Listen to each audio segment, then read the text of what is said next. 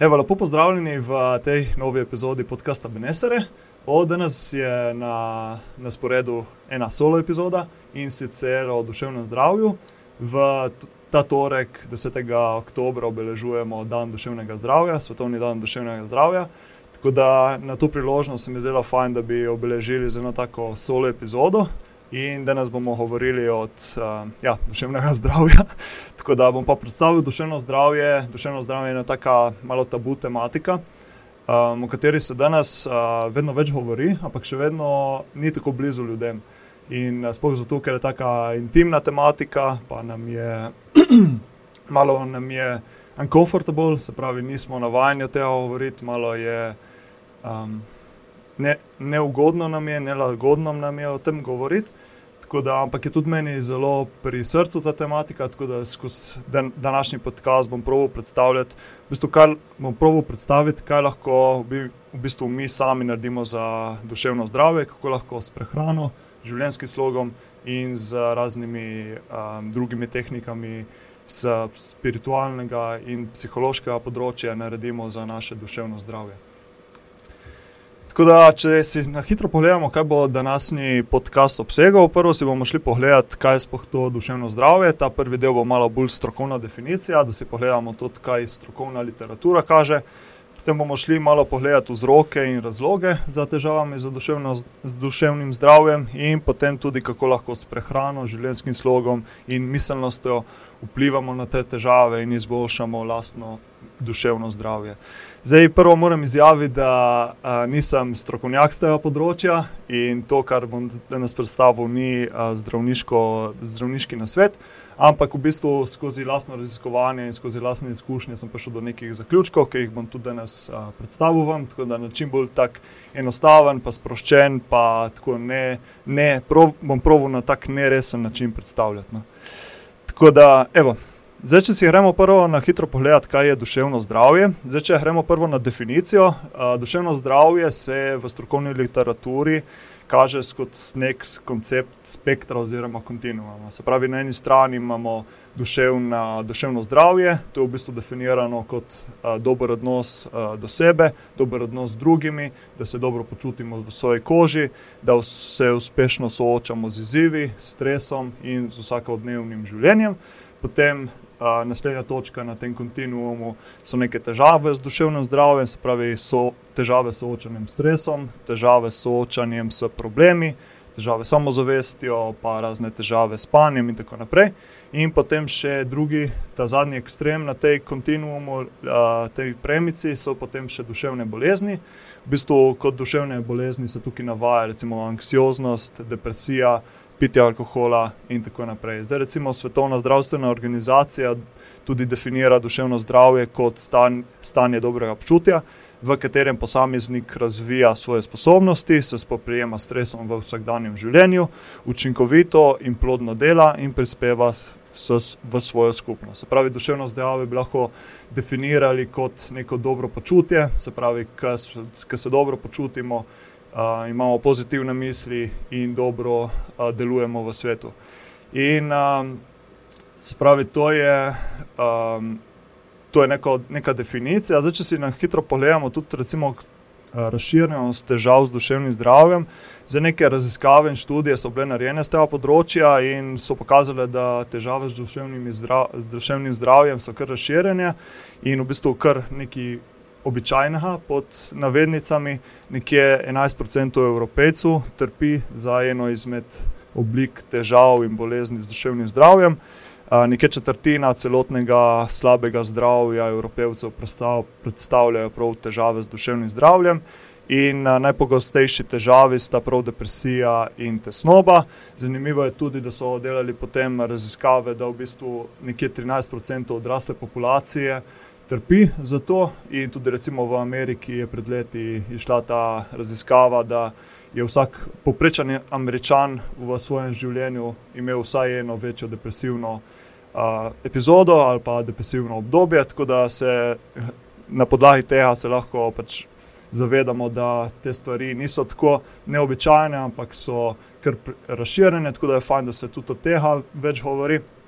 In zdaj, če si še govorimo, koga pestijo te težave, spet strokovnjaki pravijo, da pri tem ni pravila, uh, ampak je nekje, da v bistvu omenjajo pa to, da ženske pogosteje poiščejo pomoč, medtem ko se moški uh, zdravijo, pod navednicami, zdravijo sami, ampak to pogosto potem tudi je posledica tega, da se zahaja v alkohol in razne droge. In uh, strokovnjaki omenjajo tudi, da najbolj ranljive skupine so starostniki, se pravi starejša populacija, mladostniki in pa potem ljudje z nižjega socialnega položaja. Ok, in zdaj recimo zanimivo je tudi, da imamo različne pojme za to duševno zdravje. V angleščini je tu mental health, mental pomeni bolj v bistvu mentalno, umsko, tako da je iz tega lahko izklepamo, da je bolj mišljeno to neko umsko zdravje, usmerjeno bolj na um, na zdravje uma in umsko dobro počutje, medtem ko v slovenščini imamo to, za to besedo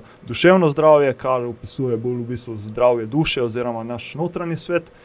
In v bistvu, zakaj je pomembno, sploh, da se govori o duševnem zdravju, je to, ker um, je duševno zdravje del večjega, se pravi, del celotnega zdravja. Tako kot imamo fizično zdravje, tako kot se recimo, kako dobro se počutimo v svojem telesu, odsotnost fizične bolezni, potem zdravo je tudi mentalno zdravje, da se počutimo dobro v svojem umu, v glavi, da, se, da imamo pozitivne misli, da, smo, da, je, da je dobra koncentracija.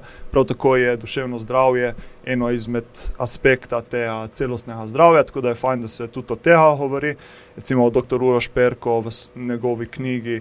Je napisal, da je neizpodbitno to, da ni zdravja brez duševnega zdravja, in v bistvu je fajn, da se potem tudi čim več govori o tej duš tematike duševnega zdravja.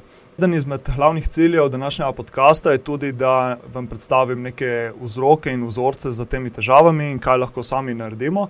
Ne, mislim, da največji problem pri teh um, težavah z duševnim zdravjem je prav beseda težave.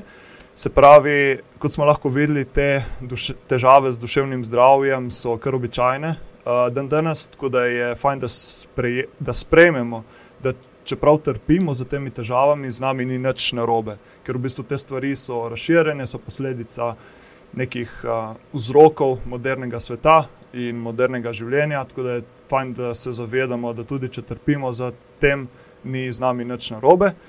In v bistvu je hkrati se fajn zavedati, vsaj Jaz sem takega mnenja in številni drugi strokovnjaki so tudi, da v bistvu te težave z duševnim zdravjem niso samo umske težave, se pravi, če trpimo za tesnobo in depresijo, ni vzrok samo v možganih, ampak so tudi neki ostali vzorci od zadaj, predvsem v, na fizični ravni in življenjskem slogu, in tudi neki psihološki, duševni razlogi. Tako da skozi, to, skozi ta podcast si bomo pogledali tudi v bistvu duševno zdravje z, drugi, z drugih plati in z celo, celostnega vidika, in bomo poiskali neke vzorce in vzroke, ki stojijo v zadju. Na, tem, na tej točki bi predstavil mojo lastno filozofijo, ki se imenuje celostni pristop. Se pravi, da v bistvu naše zdravje, dobro počutje temelji na štirih stebrih zdravja: to so telo in fizična raven, življenjski slog, um in emocionalna raven, in pa četrto je še duša in duševna raven. In v bistvu, zakaj, zakaj se mi zdi to pomembno? Zato, ker sem že prej omenil, različni vidiki zdravja ustvarjajo celoto in težave v nekem, um, v nekem segmentu, v enem področju, se bodo izra, izražale v, v celoti. Se pravi, neke težave na določenem področju bojo vplivali na naše celostno zdravje in celostno počutje. Zato je fajn, da se skoncentriramo na več področji, več stebrov zdravja in uh, podpremo vse, in s tem bomo tudi podprli potem našo duševno zdravje in splošno počutje. Okay, zdaj, tisti, ki gledate recimo na YouTubu, lahko vidite zdaj na tem PowerPointu predstavitvi, da sem tle ločil ta podcast na tri glavne dele in sicer na telo in fizično raven, potem naslednji je življenjski slog in potem je še um in duša. Tako da zdaj si bomo šli pogledat, kakšni so po mojem mnenju neki um, nezavedni oziroma podzavedni, nezavestni uh, vzroki, ki stojijo za uh, težavami z duševnim zdravjem in jih bomo šli pogledat po teh treh kategorijah. Tako da zdaj gremo prvo na telo in telesne vzroke. Um, zakaj je sploh telo pomembno? Mislim, da se večina se nas zaveda, vsaj tisti športniki oziroma rekreativci, da je v bistvu naše telo je osnova. Se pravi, naše telo je naš um, hardware, ko bi lahko rekli, se pravi, strojna oprema. Lahko si spet predstavljamo, recimo, kakšen uh, telefon ali računalnik. Se pravi, če hoče telefon ali računalnik dobro delovati mora imeti dober hardware in dober software. In se pravi, isto je potem tudi pri nas. Se pravi, če hočemo mi optimalno delovati, rabimo dober hardware, se pravi, rabimo imeti v našem telesu in fizični ravni vse pošlihtano, in prav tako moramo imeti dober software. Software je pa potem umska plat, oziroma tudi potem uh, duševna plat. Um, je pa zanimivo, da recimo v zdravniški stroki se nekje loči telo in um in se obravnavajo posebej. Ampak se mi zdi, da ko smo že prej omenili, stvari so med sabo povezane, tako da je fajn, da se gleda na te stvari celostno in da se tudi vidi recimo, težave z duševnim zdravjem kot a, celostno. Se pravi, da ni, ni, ni vedno tako, da če trpimo za nekimi težavami z duševnim zdravjem, da so vzroki prav v duši oziroma v glavi, ampak lahko so pogosto tudi nekje v, na telesni.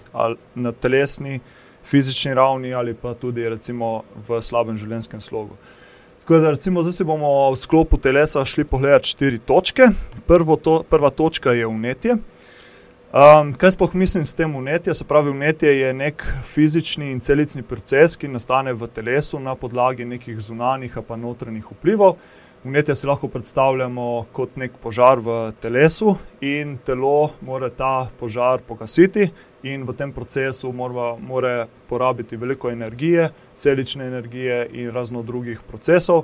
In to je za telo zelo naporno, zato se pravimo um, zmanjšati to unetje, ker unetje potem pripelje do razno raznih težav. Lahko se kaže skozi fizične bolezni, kronične bolezni, lahko se kaže tudi potem z težavami in boleznimi uh, duševnega tipa. Tako da poznamo pa dva tipa vnetij. Prvo je akutno in še kronično vnetje. Akutno vnetje je tisto, ki je bolj intenzivno in traja manj časa. To je recimo dobro vnetje, se pogosto povezuje z dobrim tipom stresa, hormetski stres oziroma eustres. Tu v bistvu stres, kot sem že prej omenil, je v bistvu stres, ki je uh, kratek, ampak zelo intenziven. Po tem stresu se naše telo uh, hitro obnovi in postaje, postane močnejše. Problematično je ti, drugi tip unetja, to je kronično unetje. To je pa unetje, ki je dolgotrajno prisotno in a, je manj intenzivno. V bistvu številne raziskave kažejo, da to kronično unetje, ki lahko prihaja iz, a, recimo, kot posledica bolezni, starosti, debelosti ali pa tudi raznih toksinov, kemikalij, alkohola, kajenja drog in pa tudi iz prehrane. To kronično vnetje je direkt povezano z težavami z duševnim zdravjem, sploh recimo v Ameriki, v ZDA, kjer je njihov življenjski slog še manj optimalen, kjer imajo veliko tega kroničnega vnetja zaradi hrane, toksinov in razno drugih virov. Je to Ta povezava med kroničnim unetjem in duševnim zdravjem je zelo neizpodbitna, in tudi ko potem ljudje začnejo bolj uh, bolj zdravo živeti, pa se zdravo prehranjevati, tudi uh, te težave z duševnim zdravjem, ali je to depresija, ali je to tesnoba, ali pa kakšne druge, se potem zmanjšajo. Zdaj, recimo, kaj lahko naredimo, če imamo v telesu veliko vnetja? Prva točka je tako, tako obvisna, se pravi, da živimo bolj zdravo, se pravi, da se zdravo prehranjujemo, da se gibamo, da tudi izgubimo um, odvečne kilograme, tudi recimo, da se odstrani um, toksine, in kemikalije iz okolja. To je lahko mikroplastika, lahko je to tudi izdelki za intimno nego, lahko je tudi potem alkohol, kajenje in droge. Tu vse v presežku ustvarja vnetje v telesu, kar potem lahko negativno vpliva na naše duševno zdravje. In lahko se tudi poslužujemo potem raznih orodij, ki pomagajo zmanjševati vnetje v telesu in nam pomagajo se boljše počutiti. Prvi je recimo tak, je post, se pravi, kadar mi ne jemo, ali je to krajši post ali je to daljši post, se telo lahko posveča zmanjševanju vneti in obnovi. Tako da recimo post je super orodje za zmanjševanje vneti, potem naslednje je mraz, se pravi, kakšni mrzli tuši, ledene kopeli, ledene, ledeni tuši, ledeno kopanje. Vse to je v bistvu tip, dober tip stresa, ki potem telesu pomaga, da se obnovi in zmanjša vnetja. Na kontrast tega so potem toplota, se pravi, razne tople kopeli in savne. Tudi savne imajo številne raziskave, kažejo na to, da zmanjšajo kronična vnetja, pripomorejo k boljšemu življenju, daljšemu življenju, tudi zmanjšajo težave z duševnim zdravjem. In potem tukaj so še uh, dihalne tehnike, naprimer uh, tehnika po Winhofu.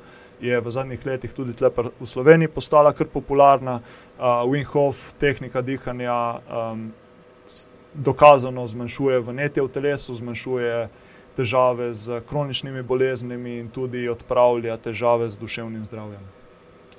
Zdaj, druga točka v tem prvem stebru zdravja, se pravi tele, telo in fizična raven, je prehrana. Prehrana, vemo vsi, da je zelo pomembna za nas, ne samo zaradi tega, ker dobi naše telo energijo ven z tega, ampak tudi za ostale procese, celične, membranske, pa tudi recimo potem razne delovanje hormonov, neurotransmiterjev, ampak žal današnja prehrana je. Današnja sodobna hitra prehrana je ena izmed glavnih vzrokov za kronično vnetje. V bistvu spet isto kot prej pri vnetju, tudi tukaj raziskave kažejo direkt povezavo med sodobno prehrano in duševnimi boleznimi. Recimo v ZDA so opravili raziskave, kjer so pokazali, da za ljudi, ki so um, trpeli za depresijo in tesnobo, ko so jih dali dol z standardne ameriške prehrane in so jedli bolj zdravo, so se tudi simptomi teh težav zmanjšali, tako da je tudi ful, to ful zanimivo. Uh, kaj je problem sodobne prehrane? Tu so enostavno preveč pre, hit, industrijsko predelane hrane, se pravi hrana, ki je uh, pridelana v industrijskih obratih, ki je v embalažah, ki ima veliko aditivov in sestavin, potem um, osnovni ogljikovi hidrati, sploh tisti, ki imajo veliko sladkorja, in velik problem so tudi rastlinska olja. Rastlinska olja zato, ker vsebujejo veliko omega-6 maščob, omega-6 maščobe pa v telesu delujejo vnetje, se pravi, ustvarjajo dodatno vnetje, in kot smo že prej videli, vnetje je povezano z večjimi. Težavami in rizikom z duševnim zdravjem. Tako da rešitev pri sodobni prehrani bi bila ta, da jemo zdravo in naravno hrano, da se oklepamo hitre hrane in pa tudi lahko vključimo tudi nekatera dopolnila, recimo za zmanjšanje vneti. In vnetnih procesov so zelo pomagajo, recimo kurkuma, CBD ali to v obliki kapljic, olja in pa tudi omega-3. To so recimo zanimive so raziskave o EPA. EPA je kislina v omega-3, ki in v bistvu v raziskavah so dokazali, da velik, velik vnos, dnevni vnos EPA, nekje 2 grama, oziroma 1 do 2 grama, je zelo efektiven pri zmanjšanju simptomov depresije. Tako da recimo tudi omega-3, spoh recimo zdaj po zimi, um, ko je manj sonca, pa manj vitamina D. Pa Sploh pa, če se ne je veliko mastnih rib, potem je fajn, da se doda omega-3, tako za zmanjšanje vnetij, kot potem za dobro duševno zdravje. Potem pri prehrani, naslednja točka je pomankanje hranil. Uh, nekatere strokovnjaki in raziskave kažejo na pomen uh, hranil, oziroma kako lahko pomankanje hranil povzroči tudi težave z duševnim zdravjem. Recimo, kot sem že prej povedal, um, spravi hrana je ključnega pomena za našo dobro počutje, energijo, celične procese in hormone. In v bistvu iz hrane moramo mi dobiti tako makrohranila, kot tudi uh, mikrohranila, to so pa vitamini in minerali. In v bistvu, če pride do kakšnih pomankanj uh, mikrohranila, pa makrohranil, lahko pride tudi do simptomov tesnobe in depresije. Lih par dni nazaj sem videl en post na Instagramu od uh, Šona Wellsa, on je strokovnjak z področja um, prehrane. In v bistvu on je izdal en post, ki sem ga dal potem tudi v to predstavitev, in lahko vidite na YouTubu v bistvu kako pomankanje nekaterih vitaminov ne direktno privede do depresije. In v tem postu je napisal, da v bistvu pomankanje vitaminov B6, B12, folata ali folne kisline v bistvu povzroči, da telo ne proizvede toliko ATP-ja, to je celična energija, hkrati pa pomankanje ustvari tudi oksidativni stres. Oksidativni stres je pa tisti glavni povzročitelj vnetja v telesu in te stvari, se pravi, manj ATP energije in več oksidativnega stresa povzroči, da se uh, celice atrofirajo, se pravi, da se zmanjšajo, da, da umrejo, oziroma tudi uh, manj neurotransmiterjev oziroma neurotransmitskega signaliziranja. Zdaj, tukaj bi bilo fajn malo razložiti, kaj so to neurotransmiterji. V bistvu neurotransmiterji so živčni prinašalci, ki v našem telesu ustvarjajo dobro počutje. Moče, sigurno ste zaslišali za dopamin, to je eden izmed glavnih neurotransmiterjev, ki ustvarja v bistvu dobro počutje. Potem imamo tukaj še serotonin, GABA in ostali. Tako da recimo pomankanje teh vitaminov B6, B12, folata in folne kisline privede do tega, da se prvič, da se ne proizvaja dovolj kriptofana. Triptofan je aminokislina, ki potem preide skozi možgansko bariero in tam se potem ustvarja serotonin. Spravi, če nam pomanka teh vitaminov, potem tudi v našem možganu, možganih se ne ustvarja zadovolj serotonina. In uh, glede serotonina, pa so direkt povezave med nizkimi vrednostmi serotonina in visoko verjetnost za depresijo in tesnobo. Tako recimo, tu je en tak nazoren primer, kako lahko pomankanje nekaterih vitaminov ali pa mineralov povzroči težave z duševnim zdravjem, kot so recimo depresija. Tako da, kaj je pogosto vzrok za pomankanje vitaminov in mineralov, je v bistvu ali slaba prehrana ali pa neraznoliko prehrana. Pogosto se to pojavlja, sploh če se je preveč industrijsko predelane hrane in premalo naravne hrane. In drugi glavni razlog za to so pa neke diete, oziroma pogosto neke ekstremistične diete, kjer se um, odstrani celotno skupino živil, in potem naše telo ne more dobiti vseh uh, vitaminov, mineralov, ki jih potrebuje, ali pa recimo tudi uh, makrohranil in to potem ustvarja težave v telesu. Recimo z tega področja obstajajo tudi neke raziskave, ki kažejo na to, da imajo vegetarijanci in vegani večjo možnost po depresiji in tesnobi. In tudi nekatere raziskave, ki kažejo na to, da se, če se nekdo, ki se prehranjuje z. Po vegetarijanski oziroma veganski prehrani in trpi za nekimi težavami z duševnim zdravjem, to je depresija, tesnoba, strah, pa stres, Če se doda recimo aminokislino karnitin ali karnozin, se tudi ti simptomi depresije zmanjšajo. In v bistvu to direkt kaže na to pomankanje hranil. Se pravi, karnitin in karnozin se dobijo samo v uh, mestni hrani, in kot vegetarijanci oziroma vegani, ki izključujejo to skupino živil, je potem težko dobiti uh, ta hranila, če se jih ne um, dopolnjuje z nekimi dopolnili oziroma suplementacijo.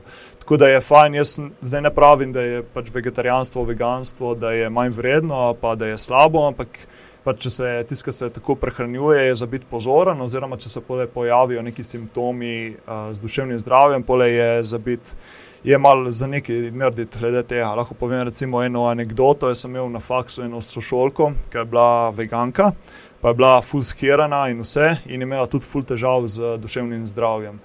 In uh, parkrat sem se sem jih pravil pole omeniti, da pač lahko bi bilo tudi zaradi prehrane to, ker pač je tako ekstremistično, ampak ona ni, ni htela tega slišati. Pač ona je rekla, da ja, meso itak je, je škodljivo. Uh, jaz ne bom ubivala živali, da bom jaz zdrava in tako, ampak um, pač tu je tako, je taka moralna dilema, ampak še vedno se je zabito ozaveščen glede tega in se pač biti pozoren če se pojavijo neki simptomi in se poslužujemo nekaj teh uh, diet, je pole tudi za nekaj narediti glede tega. In še pole druga skupina, kjer sem uh, videl, da lahko pride do kakšnih uh, težav z duševnim zdravjem zaradi izločanja večjih skupin živil, so to nizkohidratne diete oziroma keto diete. Uh, V bistvu pri tem je pa tako, da kadar se izloči um, celotna skupina oglikovih hidratov, pri nekaterih, ne pri vseh, ampak pri nekaterih, potem prije čez, daljš, čez daljše obdobje do pomankanja serotonina. Kot smo prej videli, serotonin je tisti, ki potem ustvarja tisto sproščenost, dobro počutje in nizki, nizki nivoji serotonina v možganjih so povezani z depresijo. In v bistvu dosti krat so oglikovi hidrati tisti, ki pomagajo triptofan prenesti iz uh, možganov skozi. No? Tako da pri nekaterih pomankanje oglikovih hidratov povzroči to, da se triptofan in 5-HTP v možganjih ne pre, pre, presnavlja v serotonin, kar lahko povzroči nizke vrednosti serotonina, kar potem ustvarja razne, tes, razne simptome z um, tesnobo, depresijo in tako naprej. Tako da, recimo, tudi glede tega je, bit, je za biti pozoren. Vsi vemo, da te nizkohidratne keto diete imajo lahko fulejnih koristi, ampak za nekatere pa tudi, um, tudi ni tako. No. Tako da je spet je za biti pozoren, je zmeraj za primerjati samega sebe ker pač vsi med sabo smo različni, nek, nekater, nekomu bo nekaj ustrezalo, nekomu kaj drugega. Ja. Potem naslednja stvar in še zadnja stvar, tle pri prehrani, so pa prehranske intolerance. Zdaj za prehranske intolerance, kako se povezujejo na duševno zdravje. Jaz tle nisem dobil nobenih takih večjih raziskav oziroma študij z tega področja, ampak lahko govorim predvsem iz vlastnih izkušenj. V bistvu problem pri prehranskih intolerancah je, da ali zaradi pomankanja encimov, ali zaradi slabše prebave, ali mogoče kakšnih imuns, avtoimunskih reakcij pride do tega, da se določena hrana, določena živila v naši prebavi slabo prebavljajo, oziroma se ne prebavljajo, kar potem pomeni, da um, v bistvu ta hrana skozi našo prebavo deluje, uh, potuje ne, neprebavljena, kar potem povzroči fulha stresa, unetja. Kar se potem izraža tudi na našem slabem počutju. Recimo, tle lahko povem direkt za sebe, jaz imam fuljenih težav s hrano in tolerancami in vidim, da kadar pojem nekaj, kar mi ne, ne najbolj odgovarja, a pa če pojem nekaj, kar vem, da ne bi smel, pod narekovaj, potem vidim naslednjih par dni, kako se slabo počutim. Uh, prije, dosti krat prije do povišenega stresa, tudi uh, simptomi tesnobe, včasih tudi depresije. In potem prav vidim, da se ta hrana zapusti moje telo, se kar naenkrat mi pre, uh, počutje spremeni in sem kar naenkrat full boljši. Tako da tu priča prav na to, da so prehranske intolerance lahko velik stresor za telo in se lahko odražajo tudi na duševnem področju. Najpogostejše težave z intolerancami so na gluten, pšenico, mlečne izdelke, jajca, oreščke in pa tudi rastlinske toksine oziroma antihranila. Zdaj, kako si lahko sami pomagate glede tega? Nej, do tega je najlažje pristopiti z eliminacijsko dieto, se pravi, da se za določeno obdobje odstrani živila in hrano, ki mislite, da vam ne ustreza. Se jo odstrani za kakšen teden, dva, in se potem uh, spremlja počutje. In potem po nekem času se to hrano nazaj vključi v prehrano in se spet potem spremlja počutje in simptome. In če se po vključitvi te hrane nazaj v uh, prehrano, uh, naše počutje zelo zmanjša, zelo poslabša, ali pa se simptomi depresije in tesnobe povečajo, potem je nekaj na tem. Lahko je, da je kakšna toleranca, lahko je, da samo mi pač ne prenesemo te hrane. Tako da to je najlažji način, da, kako to odkriti. Potem ostajajo tudi razni krvni testi ali pa recimo kakšni testi v alternativni medicini, recimo na bioresonanco. Ampak zmeraj je najboljše se orientirati po lastnih občutkih in uh, občutenju. Tako, zdaj, tu je bila zadnja, tretja točka pri prehrani, zdaj bomo pošli potem na naslednjo, ki se direkt veže na tisto prejšnjo, se pravi prebava in črevesje. Dosti krat se, se vsaj večina uh, prebivalcev populacije ne zaveda pomena črevesja in prebave. Uh, v bistvu prebava ni odgovorna samo za to, da se hrana v nas prebavi in da iz te hrane dobimo mi energijo, ampak ima številne druge funkcije. Prva je nastanek eh, neurotransmiterjev. To smo že prej omenili, se pravi, neurotransmiterji so živčni prinašalci, ki uh, ustvarjajo naše počutje in v bistvu večina, in, uh, večina teh živčnih prenašalcev se ustvarja prav v prebavi. To so recimo serotonin, dopamin in GABA. In če naša prebava oziroma črvesje nista zdrava in nepravilno delujeta, potem tudi ne prije do dovoljšne proizvodnje teh uh, neurotransmiterjev, kar potem vpliva na naše počutje in lahko tudi povzroči težave z duševnim zdravjem. Razlog, zakaj je prebava in črvesje, zakaj ima sta tako velik vpliv na naše počutje, je zato, ker je prebava in črvesje so z našimi možganimi prepleteni in povezani prek vagusnega živca. Vagusni živec je živec, ki potuje ob hrbtenjači in je kot neka v navednicah dvosmerna cesta.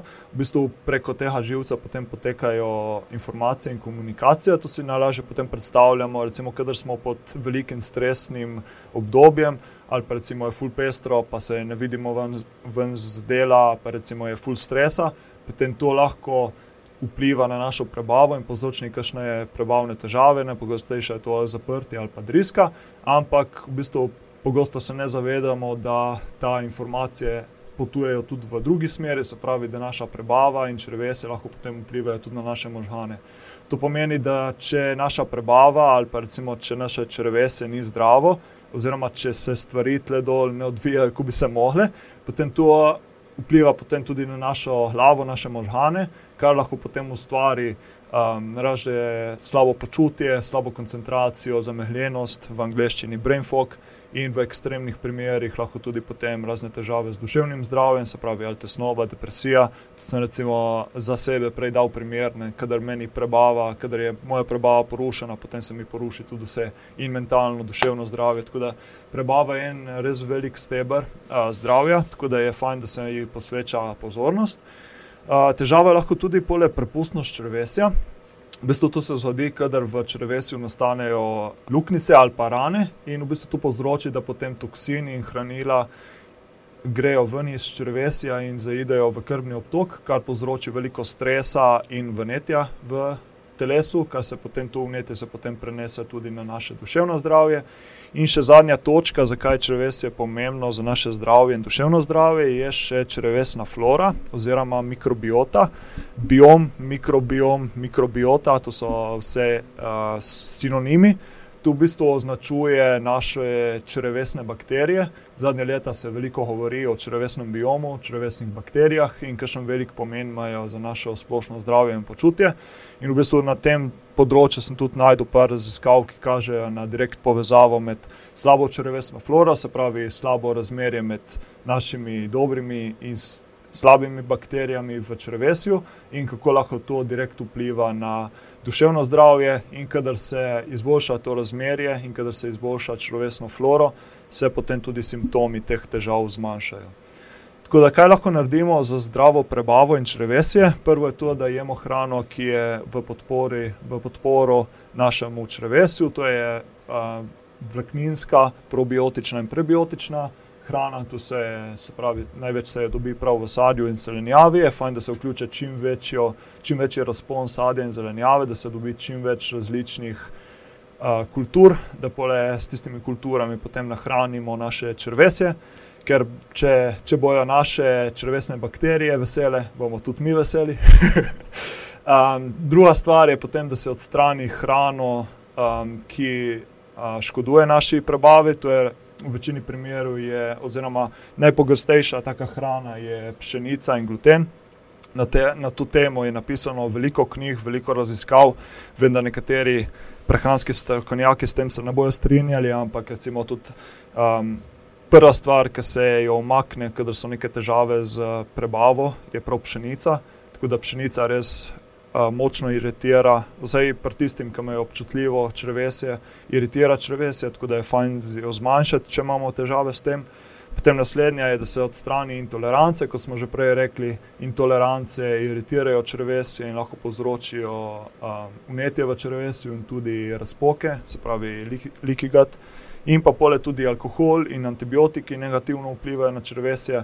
In potem uh, pomembno je tudi, da se kontroliramo stres, se pravi, da stres neposredno vpliva na delovanje naše prebave. Se pravi, več stresa, kot bomo imeli, slabša bo naša prebava delala, kar potem bo povzročilo, da se bomo slabše počutili, kar bo ustvarilo še več stresa, kar bo potem zaradi tega bo še slabše delala naša prebava, tako da rata nekje začaran kruh.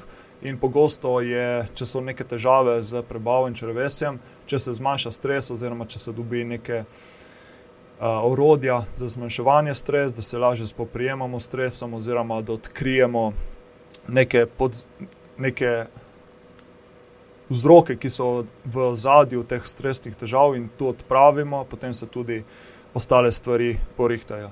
In potem lahko zbiramo tudi različna dopolnila, ki pripomorejo k zdravju čevesa, to je recimo aminokislina glutamin, probiotiki in pa tudi prebavni encimi, ki pomagajo prebaviti hrano, tako da, naše, da ima naša črevesje, naša prebava lažje delo za dokončno prebaviti hrano. In še zadnja točka v tem telesnih, na telesni in fizični ravni so potem še hormoni.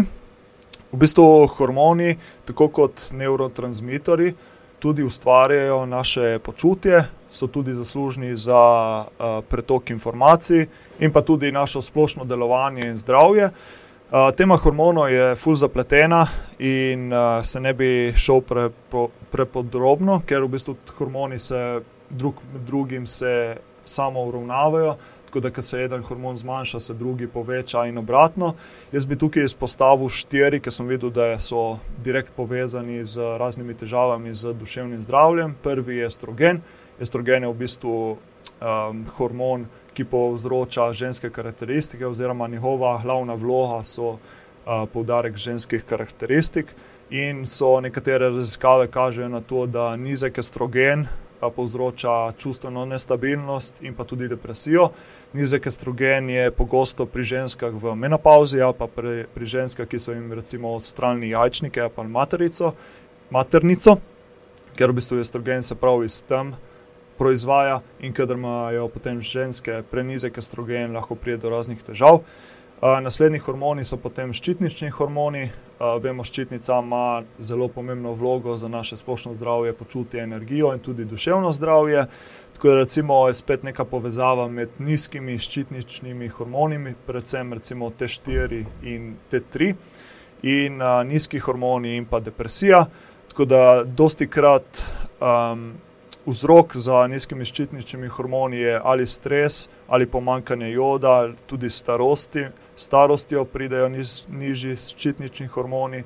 Z nekimi ekstremističnimi dietami spet dostikrat kakšna nizkohidratna dieta slabo vpliva na ščitnico. In pa potem tudi nekatere bolezni, na primer hipotiroidizem. Potem tretji hormon, ke bi ga tule omenil, je testosteron. Testosteron je v bistvu moški hormon, ki daje pa moške karakteristike. In v bistvu testosteron je pomemben predvsem pri moških in je tudi neka direkt povezava z nizko, prenizkim testosteronom in nekimi težavami s tesnobo, depresijo, pomanjkanjem energije in tako naprej. nizko, nizke ravni testosterona se pojavijo predvsem pri moških po štiridesetem, tridesetem, štiridesetem letu, ko naravna produkcija začne upadati. lahko tudi pri nekih, zdravstvenih težavah ali pa recimo, pri nekaterih določenih, skupinah, ke so podvrženi stresom in raznim drugim oblikam. Ampak ja, testosteron je direkt povezan s temi težavami z duševnim zdravjem. In potem zadnji je še kortizol. V bistvu kortizol je stresni hormon, ki se sprošča ob stresu. Kadar smo mi pod stresom, potem telo začne producirati kortizol, da v bistvu zaščiti celice in da sproži stresni odziv, tako imenovan boj ali beg. Tule ločimo dva, dva tipa kortizola, se pravi visok in nizek, in vsak povzroča svoj tip težav, no. Recimo visok kortizol je dostikrat povezan s, tesnobo, ker ko smo pod stresom, se počutimo pod, pod pritiskom, ponavadi potem tudi prebava slabše deluje, nimamo energije, motivacije ali pa recimo koncentracije in ponavadi pride tudi do tesnobe. Ampak če smo pod tem stresom predolgo, potem pride do neke utrujenosti oziroma izgorelosti, takrat je pa potem, pride do nizkega kortizola in v tistem nizkem, v obdobju oziroma coni nizkega kortizola potem pride tudi do depresije. pogosto je to zato, tega, ker smo fizično tako izčrpani, potem naše telo je tako fizično izčrpano, da pride tudi do neke duševne izčrpanosti oziroma duševne utrujenosti. Tako, zdaj na podlagi tega, kaj lahko storimo, se pravi, za estrogen je pomembna prehrana, se pravi, zbirati, vire fitoestrogena, to so hrana, ki vsebuje, estrogen, in hrana v bistvu, ki spodbuja, da se v telesu proizvaja več estrogena, to je predvsem, soja in razna druga živila, ki vsebujejo fitoestrogene. Lahko se pa poleg tudi vključi kakšno dopolnilo, recimo kakšen divji jam pa recimo tudi so obstajajo formule na trgu, ki pomagajo, da telo producira estrogen v telesu.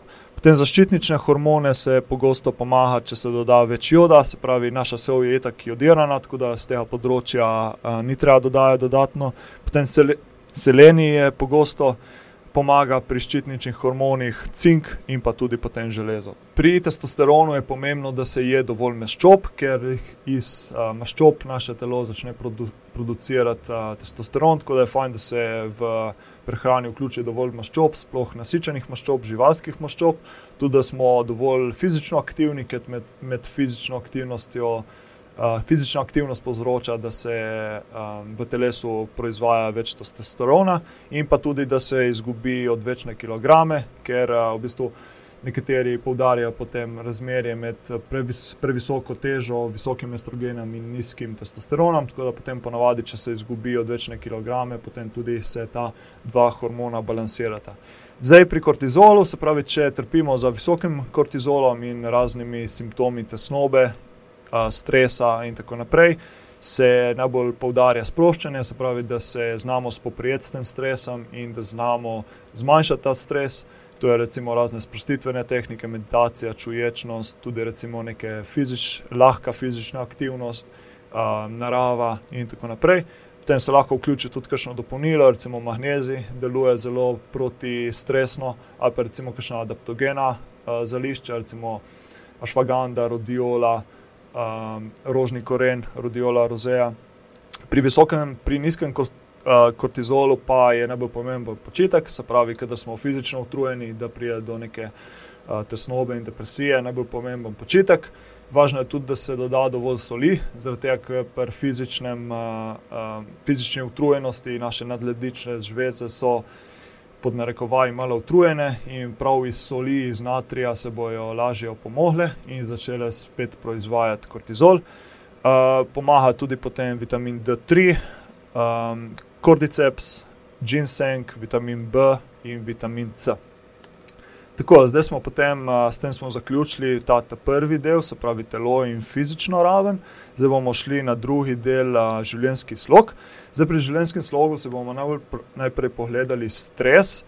Um, kot vemo, stres je problematičen v današnjem svetu, ker je preveč, uh, ker je na vsakem koraku. Ne, In v bistvu stres je, vsaj medicinska stroka pravi, da je stres glavni krivec za številne moderne bolezni in težave.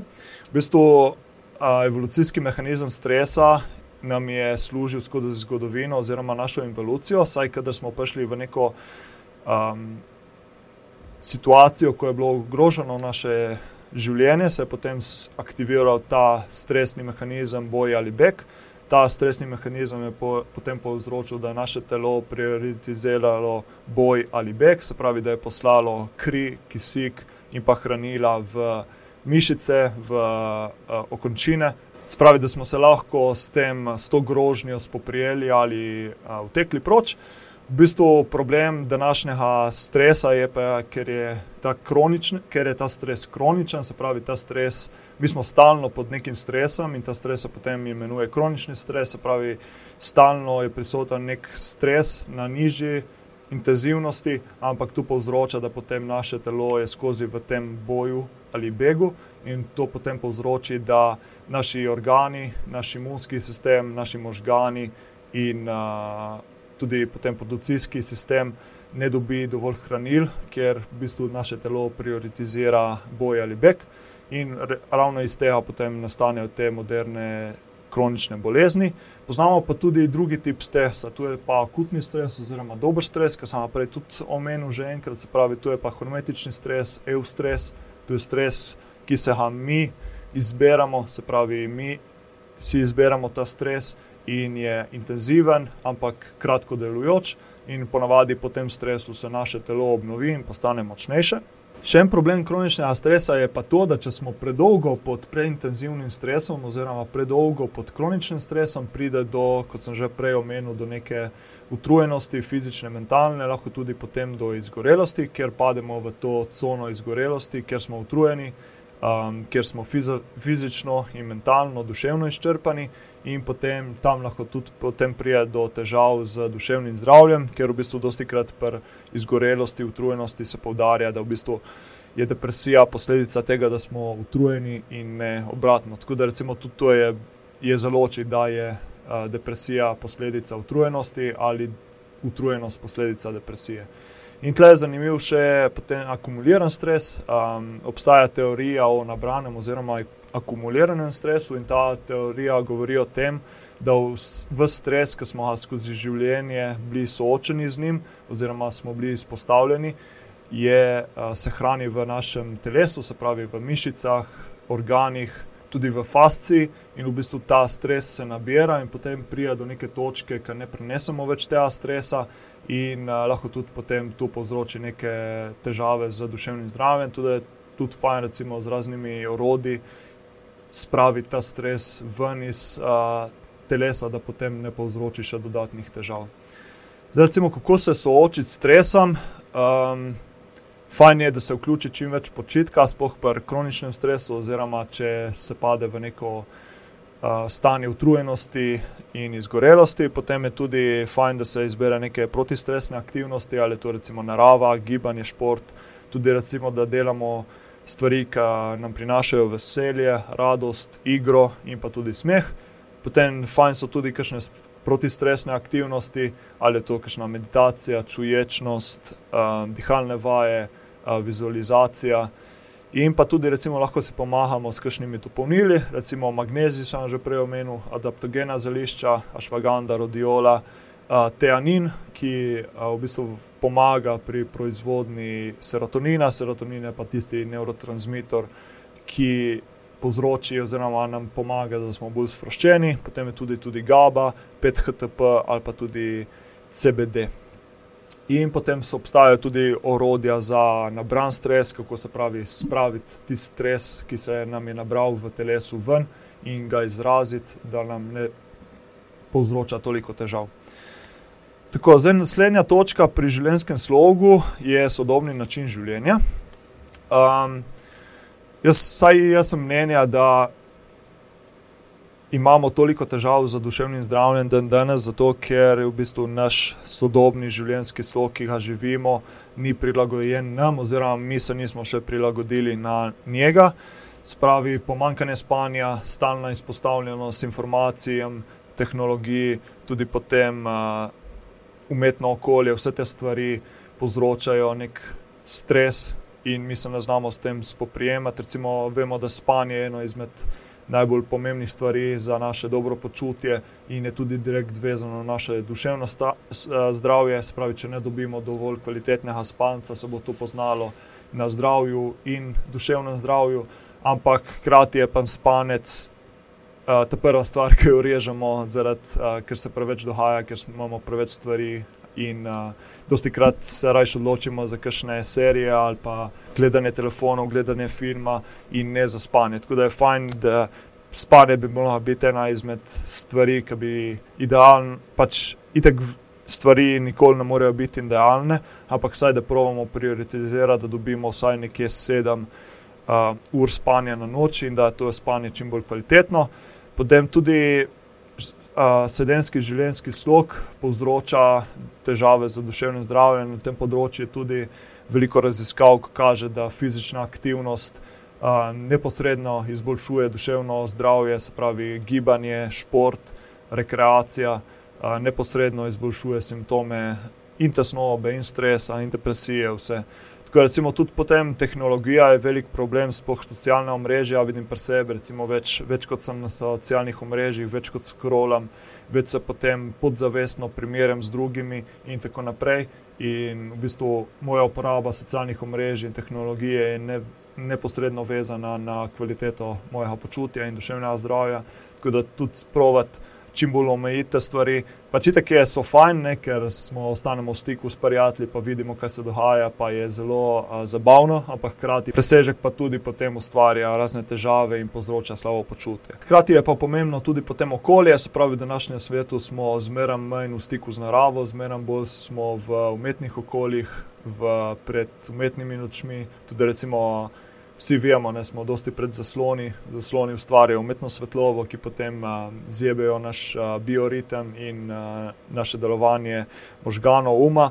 Tako da je fajn, da tudi smo potem ostanemo povezani z naravo, da hodimo čim več ven, da se pravimo malo omejiti oziroma izogibati mestnemu vrvežu in tako naprej. Tako da kaj lahko naredimo, ljudje so odobnega načina življenja. Pri spancu je bolj pomembna kvaliteta kot dolžina, se pravi, je bolje, da mi spimo vem, šest ur in da je tistih šest ur res kvalitetnih, se pravi, da je veliko rem in, glo, in globoka spanca, kot pa da mi spimo deset ur in je ta kvaliteta slaba. Tako je recimo glede spanca, predvsem se moramo zbirati neka urodja, ki nam pomagajo, da bolj kvalitetno spimo, se pravi, naj, najboljše je, da se nekje izogibamo ekranom, vsaj eno uro pred spanjem, da pred spanjem delamo neke sprostitvene aktivnosti, lahko se tudi potem pomagamo z raznimi dopolnili, ki smo jih prej omenili za boljšo kvaliteto in sprostitev. Pred spanjem, potem fizična aktivnost, kot sem že prej omenil, raziskave kažejo direkt povezavo med fizično aktivnostjo in duševnim zdravjem. Tako da dobiti stvari, v katerih uživamo, in dobiti stvari, v katerih smo aktivno, aktivni fizično in drugače, da potem izboljšamo naše um, dobro počutje in duševno zdravje, in hkrati se provamo čim bolj, oziroma redno odklopiti od tehnologije, oziroma vsaj ne biti stalno na telefonu, računalnikih in teh stvareh. Vem, vse vem, je težko, je vsem težko, ampak uh, ja. In še zadnja stvar je potem, da preživimo čas v naravi, oziroma če nimamo možnosti preživeti, preživeti čas v naravi. Tudi recimo, nekatere raziskave so kazale, da že če gledamo nekaj zelenega, recimo če postavimo si na steno neko sliko gozda ali pa nekega zelenja, že če recimo gledamo tisto zelenje, že tisto sprošča neko sprostitev v možganjih, pa olajša nam stres, tako da lahko se tudi tega potem poslužujemo. In še zadnja točka v tem življenjskem slovu so pa sezonski, vzrok, sezonski vzroki. Se pravi, trenutno smo v obdobju, v letnem času jeseni. In v bistvu jesen in začetek zime sta zaznamovana s tako imenovano sezonsko motno razpoloženje. Tu v bistvu v angleščini je to Seasonal Affective Disorder ali kratica SAD, v bistvu SET. Uh, v bistvu v tem času smo žalostni, ne se ne. Uh, V bistvu to je tudi ena zelo razširjena težava po celotnem svetu. Nekje eh, strokovnjaki raziskave kažejo, da naj bi ta sezonska motnja razpoloženja vplivala od 4 do 6 eh, ljudi po celem svetu.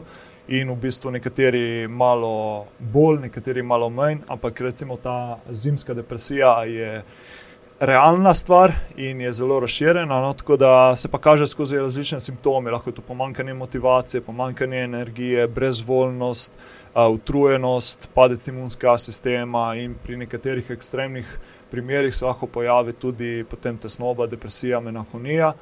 Um, deloma je to vezano na vitamin D, se pravi, po zimi in jeseni je manj sonca, s tem, ker smo, naša koža tudi ni izpostavljena sonca, ker, soncu, ker nosimo dolge rokave. Zaradi tega se v našem telesu uh, proizvaja manj vitamina D, in v bistvu to potem ustvarja težave z duševnim zdravjem, hkrati pa tudi psihološki razlog, um, ker je manj sonca, daljši, krajši so dnevi, daljše noči, potem tudi psihološko malo vpliva na nas, smo slabše volje, slabše energije in lahko tudi nastopi kakšna ta.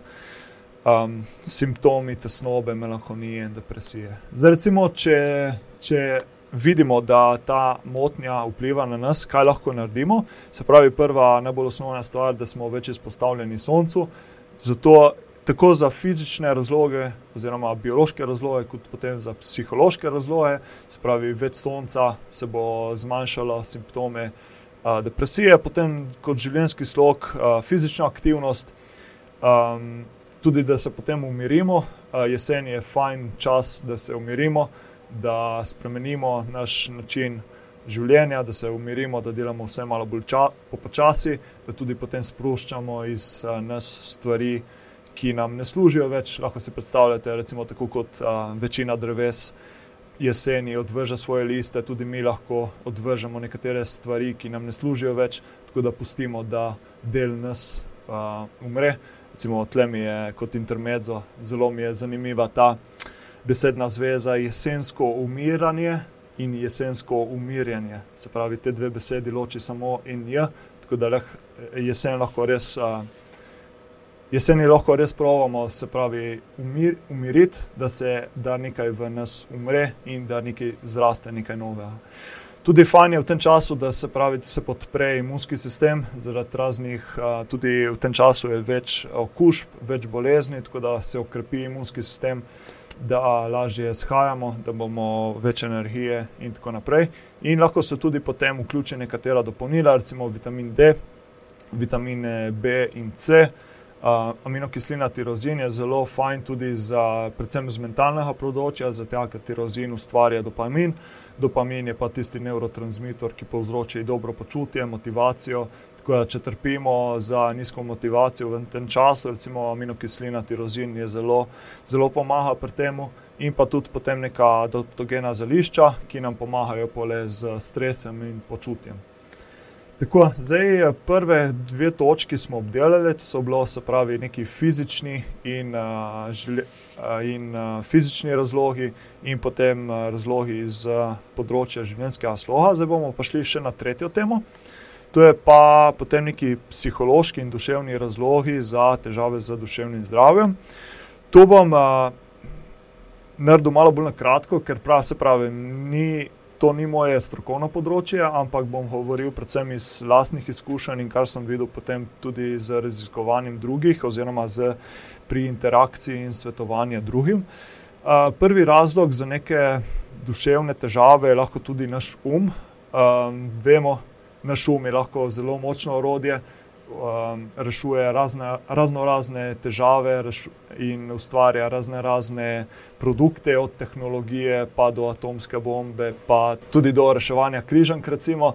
Ampak po drugi strani, pa če ne znamo kontrolirati svojega uma, pa lahko ustvari tudi veliko težav v našem lastnem življenju. Največkrat se zgodi, da v bistvu um ustvari neko iluzijo realnosti, iluzija realnosti, ki ni najbolj uh, primerljiva z dejansko realnostjo, ampak potem, ker smo mi toliko v svoji glavi, potem uh, mislimo, je ta distorted reality, kot se reklo po angliško. Tudi vidim, recimo pri sebi. Jaz sem po eni strani zelo čustven človek, ampak imam tudi uh, zelo močen un. Um. In dosti krat se mi pole zgodi, da v bistvu se izgubim v svoji lastni glavi, v svojih lastnih problemih in potem ne vidim. Uh, ne vidim lepote tega sveta. Če so zraven prisotne še neke druge težave, ali to tesnoba, ali neki simptomi, melanholije, depresije, potem um vse to še ojača. Tako da je fajn, da se, da se naučimo, kako kontrolirati naš um, oziroma da se poslužujemo nekaterih orodij, kako postati gospodar našega uma. Potem naslednja stvar, ki smo jo že omenili uh, na enem podkastu, recimo z podkastom Žaljažen, to je prav Aljaš omenil, da dosti krat so uh, težave z duševnim zdravjem, imajo to tesnobo ali depresijo, so posledica potlačenih in nepredelanih čustev, stresa in travm. Tu se direktno navezuje na to, da kar mi ne sprocesiramo, oziroma ne dovolj doživimo, bomo shranili v naše telo, oziroma se bo nabralo v naših mišicah, organih in tudi psihi, in potem te stvari, čustvene, se lahko nabirajo, nabirajo, in potem to ustvari neke težave z duševnim zdravjem.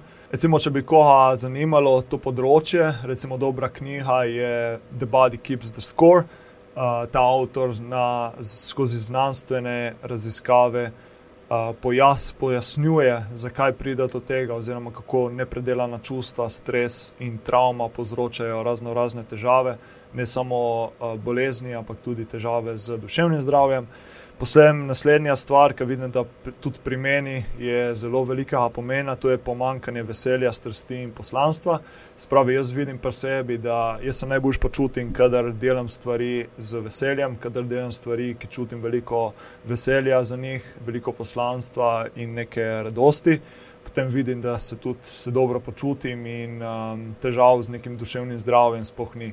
In potem na drugi strani, kadar prije neko obdobje, ko sem med projekti, pa recimo neko obdobje, ki ne laufajo stvari, kot si želel, ampak, ali pa recimo pri obdobju, ki je veliko stresa in padem v, neko, v nek drug no, način, kjer ne delam vse z veseljem, kjer delam stvari ven s pritiskom. Tako vidim tudi potem, kako se stres poveča, kako se tesnoba in tudi neki simptomi depresije povečajo.